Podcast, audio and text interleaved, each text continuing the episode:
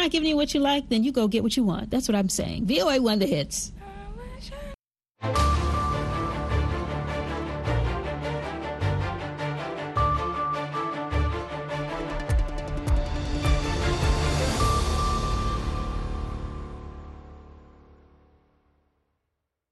halkani waa washington laanta afka soomaaliga idaacadda v o a oo aad ka dhagaysanaysaan muwjadaha gaagaaban efmiyada geeska afrika iyo caalamkao dhan oo aad nagala socotaan v o a somaly com.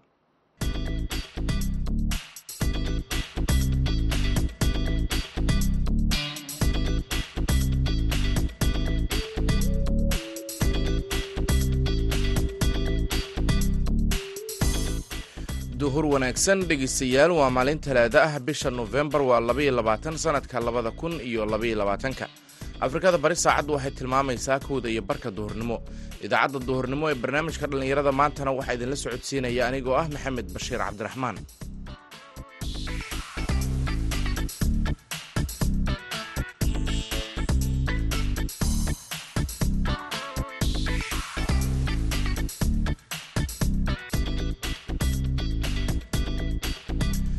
qodobada aad ku maqli doontaan idaacaddeenna duhurnimona waxaa ka mid ah warbixin ka hadlaysa beeraleyda qaar oo xilligan ku guda jira gurashada dalagyadii ay beerteen gaar ahaan beeraha ku baxa xilli roobaadka. Ka gaari karna waan soo goyna bayideeda iminkana waxaan ku jirnaa kalabarhkeygii insha allah waxaan doonaynaa inaan wada gabagabayno. Dabadeetona haruurkan waan dhulkaan dhignay. Hadhowtana waan guranaa xaafadnaan geynaynaa waa la kala soocaya haddana madax iyo haddana haruur baa loo kala soocaya waa la kala goynayaa waxaad kaloo maqli doontaan wiil dhallinyaro ah oo xeryaha dhadhaaba ka wada wacyigelin la xiriirta ka feejignaanta muqaadaraadka. Heesihii iyo ciyaarihii ayaan sidoo kale ka marnayn balse intaasi oo dhan waxaa ka horeynaya warkii caalamka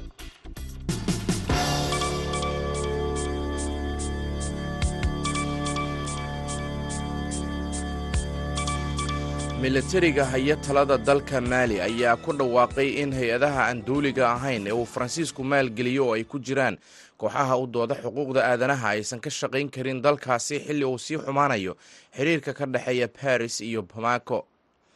Ra'iisul wasaaraha ku-meel gaarka ah ee maali kolonel cabdulaahi mayiga ayaa waxa uu ku sababeeyey tallaabadan qoraal uu ku daabacay baraha bulshada isagoo ku sheegay in ay tahay mid looga jawaabayo joojintii uu faransiisku ku sameeyey kaalmada horumarineed ee maali wasaaradda arrimaha dibadda ee faransiiska oo saddex bilood ka hor dhammaystiray in ciidamadiisa uu kala baxo howlgalka lagula dagaalamayo kooxaha jihaadiyiinta ee dalka maali ka socda ayaa toddobaadkii hore ku dhawaaqday inay go'aankaasi u qaadatay wada shaqaynta la sheegay in bamako ay la leedahay kooxda wagner ee uu leeyahay ruushka bamako ayaa wararkaasi beenisay laakiin waxa ay qirtay in ay taageero ka hesho tababarayaal militari oo ka socda ruushka.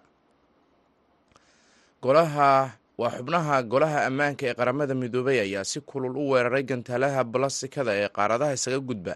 Ay dhowaan tijaabisay kuuriyada waqooyi laakiin golaha ayaan ku guulaysan inay soo saaraan bayaan rasmi ah maadaama ay diidmo kala hor yimaadeen dalalka shiinaha iyo ruushka sida ay diblomaasiyiintu ku waramayaan maraykanka ingiriiska faransiiska iyo hindiya ayaa ka mid ahaa afar iyo toban dal oo si adag u cambaareeyey tijaabada ay waqooyiga kuuriya samaysay jimcihii gantaalkaasi oo ku dhacay meel laba boqol oo kilomitir u jira xeebta jabaan gantaalka ayaa u muuqday mid xambaarsan hubka nukliyeerka ee kuuriyada waqooyi waana nooc cusub oo ah gantaalaha qaaradaha isaga gudba kaasi oo laga yaabo inuu awood u leeyahay inuu gaari karo maraykanka tani waxa ay ka dhigan tahay in waa mid xaaladda si ba'an lagaga sii darayo waxayna keenaysaa khatar aan leexleexad lahayn oo ku wajahan nabadda iyo ammaanka caalamka ayay baaqooda ku yidhaahdeen xubnaha ka tirsan golaha ammaanka kadib shir ay yeesheen. Pyongyang ayaa labadii kun iyo labaatankii oo ah sanadkan aynu ku jirno waxa ay tijaabisay gantaalo ka tiro badan kuwii ay tijaabisay sannadkii hore bil ka horna waqooyiga kuuriya ayaa la aaminsan yahay inay gantay ilaa soddon gantaal oo isugu jira kuwa ridada gaaban kuwa ridada dhexe iyo sidoo kale kuwa ridada dheer. Warkii dunidana dhegeystayaal waa naga inta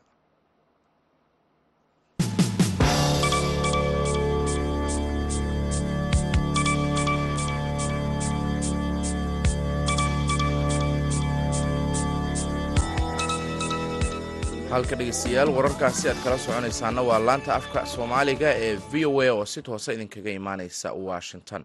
Aynu ku horeyna bilaha ugu dambeeya ee sanadka ayaa beeraleyda qaar waxa ay soo goostaan dalagyadii ay ku beerteen xilli roobaadyadii la tacbado waa xilli roobaadyada la tacbado wariyaha v o a ee boorama haashim sheekh cumar good ayaa la kulmay qaar ka mida beeraleydaasi uu ka soo diray warbixintan labada bilood ee sanadka ugu dambeeya ayay dadka beeralayda ah ee ku dhaqan gobolka awdal ee beerta beeraha ku baxa roobka waxay gooyaan dalagyada u baxa sida hadhuudhka ama meelaha qaar looga yaqaano masagada dhowaanayaan duleedka magaalada boorame ee gobolka awdal. Waxaan kula kulmay rag iskugu jira waayeel iyo dhallinyar oo goynaya badarkii uga baxay beerta sanadkan waxaanan weydiiyey dalaga beerta ay goynayaan uga baxay iyo shaqada ay ka qabanayaan beertu waa inoo baxday. Waananu beernay. Wayna noo fiican tahay.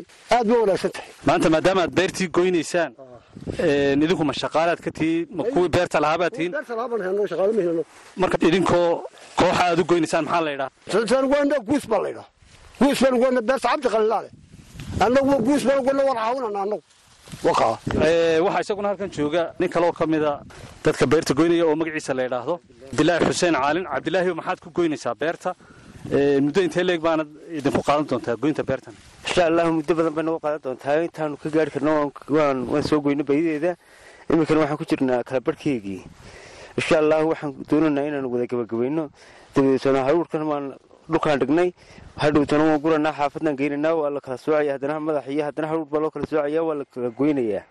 Markaa sagarooyinkaa la geynayaa. Dabadeed beertii waad arkaayo oo daaq baa haddana ku yaalo. Daaqii labaadbaa faa'iido labaad baa haddana ku sii jirta markaa iminkana daaqanaan doonanaa insha allahu inaan haddana dib u goyno. Waa jiilaalka wixii sirac xoolaha ayaan u beernay. Markaa wax la iibiyo iyo iyada isa soo saaraysa beertu tabacii wixii naga galay wax ka badan bay ka baxaya. Kolay xoola noocun aan kolahay maaragtay aan dadka iibino oo dhulka abaaraysan oo kale la geyin karo. Aduga waa soosaar wax soo saar adag weeyaan. Mar haddaan lagu tabci waayana dee dhulkii waxba horta ma soo saarayaan. Beertana waad dee waxaa ku yaalla daaqa ku yaalla caleynta anagoo goynana ayuu daaqaasina hadda ku yaallaa dib haddana kaasa haddana dib aan shaqaale dambe ugu geyn doonaa. Insha allah beerta hadhuurkan ka baxay ee iminka aad ka goynaysaan caleenteedii amase balkeedii hadhuurku wuu noocyo badan yahay. Maxaa la yidhahdaa? Magaciisa hadhuurkan aad goynaysaan? Waa haruurkan waxaa la ydhahaa waxa weeyaan waa cilmi jaamac baa laydhahaa waxaa la ydhahaa masangaa la ydhahaa waa laba haruuroo isku dhex jira weeyaan. Marka carabiyadii waa ayaan beernay qayb xaggaa dama ah oo niminka soo goyna baa carabiya qaybta kale waa masango iyo waxaa lakala ydhahaa cilmi baa lakala waa haruurka cadcadaayada asalkii waddanka ka bixi jiray. Marka wuu fiican yahay xoolahana wuu aad aaluu samaynayaa aalahaasaa la doonaya in xooluhu ay ku naafaqaystaan. Midna waa qaran oo midna balunbu noqdaa isagu waa waxba dhuux male. Kanna wuxuu leeyahay waa aala sokoroo kaleo waxa wuxuu leeyahay aaluu leeyahay. Insha allahu waxaan ku tala jirnaa markaa inaan iska xerayno wixii aan intaan kolkaan goyno beerta. Qiyaas ahaan intaa beeran ee uu imiga ka beeran yahay hadhuurku amase masagadu qiyaas ahaan maxaad ku qiyaasi kartaa? Ma qoodiba ma laba qoodiba waa mise qoodi waa shan qoodi weeyaan gebigeega isku celceliskeeda shan qoodi weeyaan. Shantaa qoodi aan soo goyno iminka arkaya cidhiidhisa timaha uga baxay. Waana faa'iido weyn oo maanta sagarooyin qaadayaaba horta ma jiraan. Weliba faa'iido labaad waa kaa daaqana hadarkaas taana waa loo goynayaa. Loodaanu dhiganaa markaa loodiina xaggan ku xidhan tahay markaa cabdilaahiyow hadhuurka aad goynaysaan maanta caleentiisii aad jaraysaan markaad xeraysaan madaxa aad ka jartaan hadhuur intee leeg buu qiyaas ahaan noqon karaa oo ka baxay shantaa qoodi? Waxay noqon karaan afartan kiish ilaa soddon kiish nooc walba uu yeelan karaa. Insha allah waxaa u badanayaa adoo afartan kiish inuu noqdaan afartan kiish. Amba konton kiish oo yaraan inuu noqdaan kolkaad macalla isku wada darade adigu xiisii yaryaraayo waxaa kale waaweynba wuxuu noqonaya ilaa konton kiish kuwaasi waxay ahaayeen qaar ka mid a beera falatada gobolka awdal gaar ahaan beeralayda beeraha kula duleedka magaalada boorama oo iga warramayay midhaha uga soo go'ay beeraha sanadkan iyo sida ay u goosanayaan tacabka beeraha ay tabcadeen. Haashim sheekh cumar good v o a boorama mahadsanid haashim markana dhegeystayaal dhinaca kaalmaha heesaha ayaynu jaleecinaa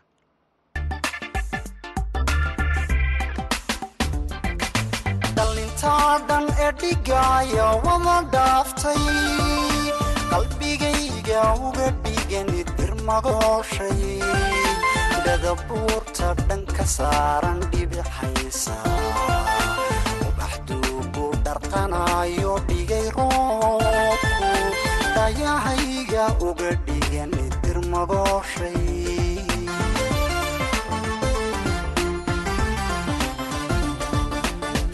intaa dhan ee dhigaaya wada dhaaftay qalbigayga uga dhigani dirmagooshay dhadabuurta dhan ka saaran dhibixaysa ubaxduugu dharqanayo dhigay roobku. Dayahayga uga dhigani dirmagooshay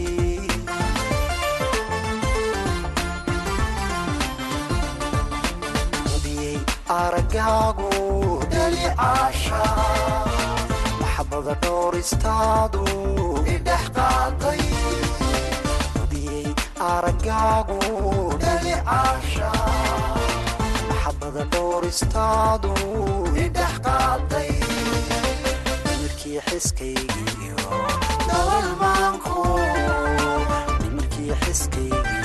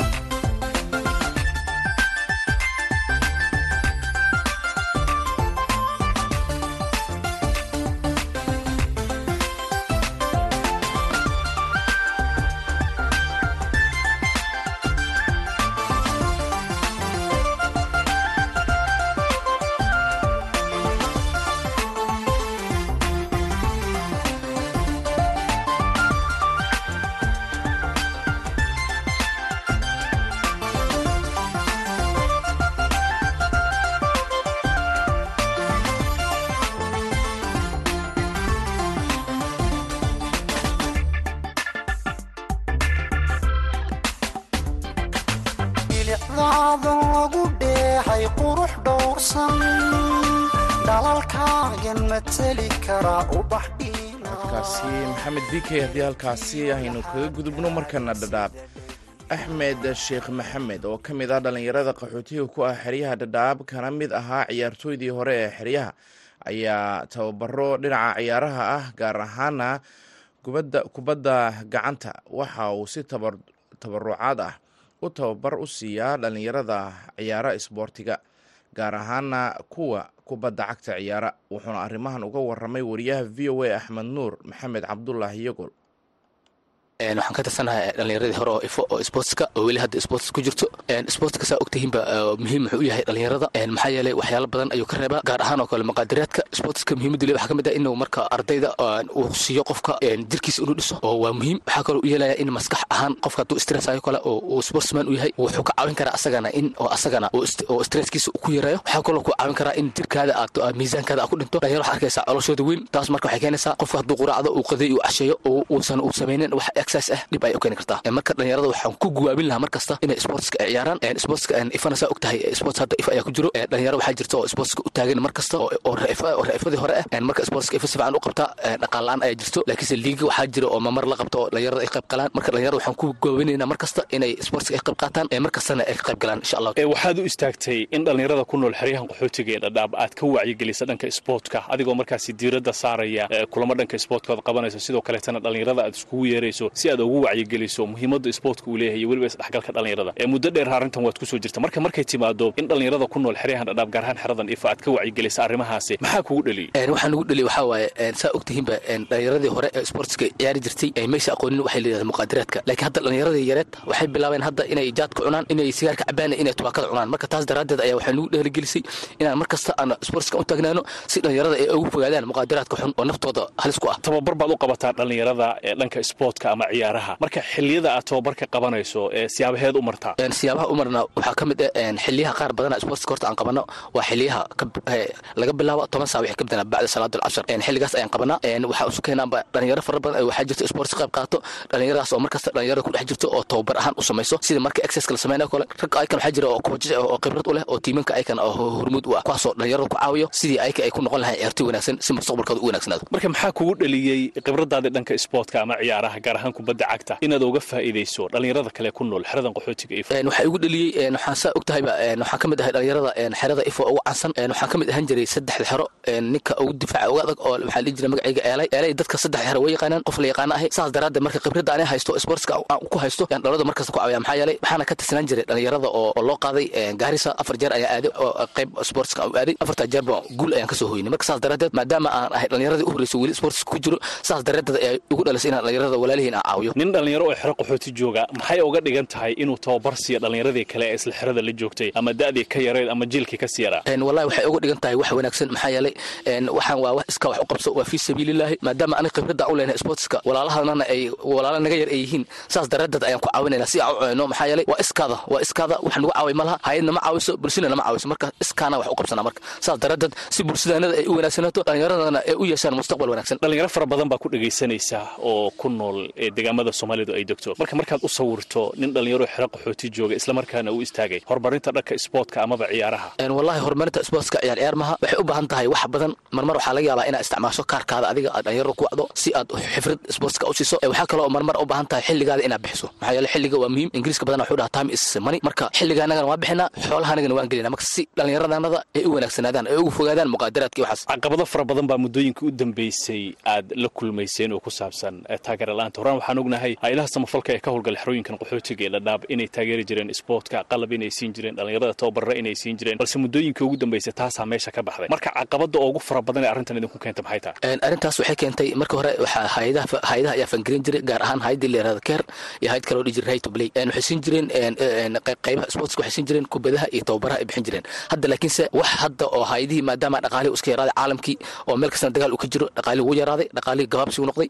Hadda laakiinse dhallinyarada ayka dhexdooda ayaa wax iska qaadaan. Marmar waxaa la qabtaa liig oo ah tiimkasta lacag ayaa la qaadi. Markii lacag laga qaada lacagta ayada ah iyo haddana tiimika dib loogu celinaya anakana iskaana wax u qabsanaaba maadaama aan nahay maamulka sportska. Marka miyaysan saamayn ku lahayn? Nin dhallinyaro xero qaxooti jooga gargaarkaas hay'adaha samafalka ku tirsan oon ku filayn in iyaga intay lacaga iska qaadaan ay maalgeliyaan sportkii amaba markaas iyagoo isxilqaamaan wallahi run ahaantii waxa anaka aan qabanayno waa wax naftaana u qabanayno waxa u qabanayno waa walaalahanada marka waxaa waaye adiga dadkaada wax u qaban waay. Marka muhiimadda hadda halkaasay taagan tahay maadaama hayad aysi jirin hayadihii way jiraan laakiinse sportski dhaqaalihii hayadihii lagu bixin jiray ma jirto dhaqaalihii buurna ma jiro. Marka saas daraaddeed hadda waxaa waaye bulshadii unbaan inaan waxaan rabnaa wax u qabanno dhallinyaradanadii si ay ugu fogaadaan muqaadaraadka iyo waxyaalaha xuunka ah marka isbarbardhig brisamaadkii dhowr sano ka hor iyo xilligan sportka amaba ciyaaraha xerooyinkan qaxootiga ee dhadhaab farqiga u dhexeeya. Wallahi brisamaadkii sportska zaa'id ayaa loo xiisan jiray. Wax muhiim ayuu ahaa oo goob kastan muhiim ayuu ku ahaa.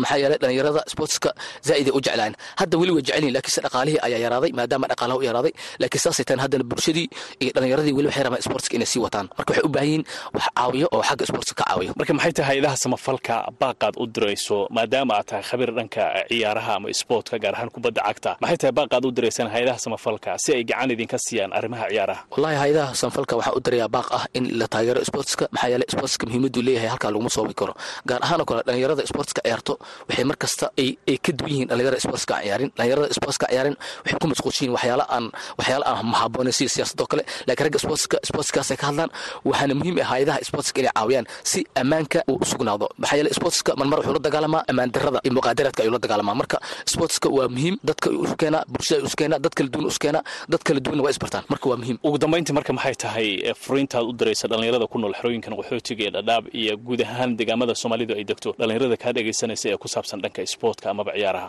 Wallahi baaqaan u diray dhallinyarada qaxootiga saddexda hore dhagaxliya xagdheer ifo waxaan u dirayaa anigoo ah axmed eelay oo reef laga yaqaano oo lijanta ah.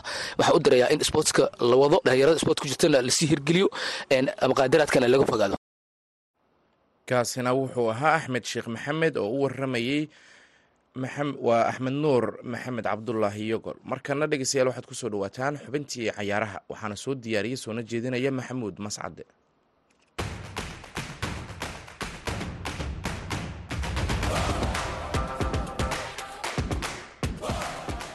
kulan wanaagsan dhegaystayaal dhammaantiinba kuna soo dhowaada xubinta ciyaaraha guud ahaanba koobka kubadda cagta adduunka. Ee sida xiisaha badan uga soconaya waddanka qatar ayaynu barnaamijka ku eegi doonaa. Sidoo kale waxaad maqli doontaan falanqayna ku saabsan maraykanka iyo weles kulankii dhex maray habeenkii xalay ahaa iyo ciyaartaasi sababta ay barbara u noqotay. Sidoo kale waxaad maqli doontaan xulalka qaranka ee australia iyo faransiiska oo iyaguna caawa ciyaari doona laakiin xulka qaranka ee senegaal uu dhaawaca kaga maqan yahay ciyaaryahanka ay ku dhaartaan ee sadiyo mane ayaa habeenkii xalay ahaa guuldarro xanuun badan dusha loo saaray. Inkastoo xulka qaranka ee senegaal soo bandhigeen ciyaar aad u qurux badan laakiin dhinaca weerarka ayay ka muuqanaysay in ay ka tabeen ciyaaryahankoodii mani oo kubadaha ay soo dhisaanba afka hore ayay ku burburayeen. Sidaasina xulka qaranka ee holand ayaa kaga faa'iidaystay oo laba gool iyo waxba ku guulaystay ciyaaryahan memphis debay oo ciyaarta gadaal ka soo galay ayaana wax weyn ka bedelay xulka qaranka ee holland. Sidaasi saddex dhibcood ayay ku qaateen. Ingiriiska iyo iiraan oo ciyaaray lix gool iyo laba. Ingiriiska ayaa ku guulaystay ciyaaryahan saaka ayaa goolashaasi laba ka mida u dhaliyay qaranka ingiriiska waxa uuna noqday xidigii garoonka. Kulankii dhex maray maraykanka iyo welles ayaa isna hal iyo hal ku gabagaboobay. Xulka qaranka ee maraykanka ayaa ciyaar adag soo bandhigay qaybtii hore ciyaarta laakiin welles qaybtii dambe ciyaarta iyaguna dhankooda waa ay soo wanaagsanaadeen hal iyo hal ayayna ku kala baxeen. Haddaba maraykanka oo dabcan u muuqday inay welles ka xoog badnaayeen maxay tahay sababta keentay in ciyaartaasi ay saddex dhibcood ka qaadan waayaan arrimahaasi iyo kuwo kaleba waxaa ila falanqeynaya maxamed deeq cabdi oo loo yaqaana meeru ciyaarahana ka faalooda kuna sugan magaalada minneapolis ee gobolka minnesota. Maxamed soo dhowow maraykanka iyo ingiriis aan idhaahda ee maraykanka iyo welles waxay soo bandhigeen dabcan ciyaar aada u xiiso badan oo barbaro ku soo idlaatay. Laakiin qaybtii hore ciyaarta maraykanka way gacan sarreeyeen. Bal haddaad kulankaasi qiimayso maxaa keenay maraykanku in ay qaybtii hore gacan sarreeyeen haddana qaybtii dambe laga daba yimaado? Mascada walaal waa mahadsan tahay waana dhowahay haddaan guda galo ciyaartii maanta dhex martay wells iyo u s a xaqiiqdii waa sida hore u sheegtay ciyaarta bilowgeeda hore forty five minutekii hore. Waxaa moodaa ciyaarta in ay gacan saraysay u s a taasoo micnaha ay caddeynayso weerarka wells ninka beel ah great bella ninkaas waxaa moodaa laakiin twenty five i mean twelve minute kahor inuusan kubadda taabanin. Marka taasaa waxay ku tusinaysaa weerarka wells inuusan micnaha adkeen waxaa kaloo micnaha meesha igaga muuqatay in fursado fara badan ay la yaceen u s a. Gacantana ay ahayd in u s a meeshaas ay saddex gool first half ay ku dhaliso. Marka taa micnaha waxay ku tusinaysaa maadaama fursadihii soo maray u s a aysan ka faa'iidaysanin afartan iyo shanta daqiiqe ee hore ee ciyaarta. Masacde marka qaybtii dambe ee ciyaarta markii la isugu soo noqday wells waa ay soo fiicnaadeen. Marka isbedelkaasi ay la yimaadeen maxaa ugu wacnaa baad is leedahay okay taa waxay micnaha u sabab tahay u s a ciyaartoyda inta badan ee u ciyaaraysa maanta. Da-dooda waxay ka yaraayeen afar iyo labaatan sano. Marka waxaa la ciyaarayo waa world cup. Waxaa la ciyaaraya snot premier leaguena ma ahan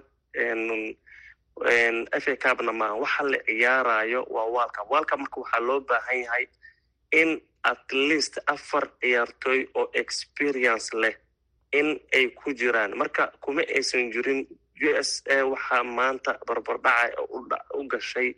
Aan u malaynaya ciyaaraha soo socdana aysan guul ka gaari karin. Waa experience la'aanta khibrad xuma heshaad leedahay. Marka waa dhinaca khibradeeda khibrad xuma hayso micnaha ha dad micnaha khibrad leh oo horey u soo dheelay ma aysan wadinin taasaa micnaha sabab ahayd in micnaha ciyaartaas barbarac maanta ay waa garta haddaynu ka gudubno kulamo xiiso badan ayaa maanta iyo caawaba dhacaya.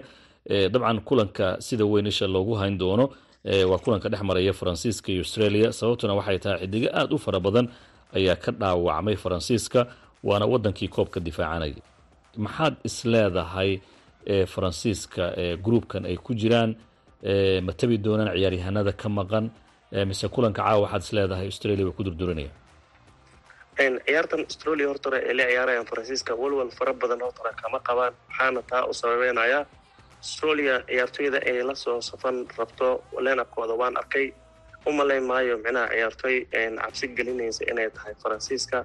Waayo faransiiska maadaama ay ka maqan yihiin shan ciyaartoy ee lagu xisaabtamayay benzema kii ugu dambeeya la qaaday oo asaga ahaa. Weli waxaan aaminsanahay shan ciyaartoy walkaabkii hore ciyaareen inay weli haddana ciyaaraan. Imbebe mbebe wuu yaraa asigoo yar buu afar gool horey u soo dhaliyey hadda experience u sii kordhay olivian jurudna uu la ciyaarayo antonio grusman oo ag taagan yahay. Waxaan u malaynayaa ciyaarta faransiiska tan australia in aysan walwal ka qabin midda walwalka ay ka qabaan ay tahay midda denmark keliya marka waxaan ku leeyahay aniga saadaalintan ka bixinayo in faransiiska ay ku durdurinayaan ayaan aaminsanahay ciyaarta ay la ciyaar rabaan australia berito haddii ilaah idmo gruupka ma ka soo gudbi karaa waxaan is leeyahay groupkan waa tunisia oo denmark la ciyaarayso iyo faransiiska australia la ciyaarayso waxaan u badinayaaba labada ka soo bixi doonta inay tahay denmark iyo faransiiskan u badinaya halka ayada ay ku haray doonaan tunisia iyo australia. Waa tahay aad iyo aad baad umahadsan tahay kaasi waxa uu ahaa maxamed deeq cabdi meru oo isagoo ku sugan magaalada minneabolis la falanqeynaya kulamada xiisaha badan ee caawa la filayo in ay ka qabsoomaan waddanka qatar ee ka tirsan koobka kubadda cagta adduunka. Sidoo kale mexico iyo poland ayaa iyaguna ciyaar xiiso badan ay dhex mari doontaa haatanna goor dhoweyd waxaa soo gashay ciyaar xiiso badan oo dhex maraysa waddamada sacuudi carabiya argentina. Taasi oo natiijadeeda aad ku dhegaysan doontaan idaacaddeenna galabnimo waa tahay dhegaysanantiin mar kale dib u kulmi doono mascadeedu ku dhaafaya sidaa iyo nabadgelyo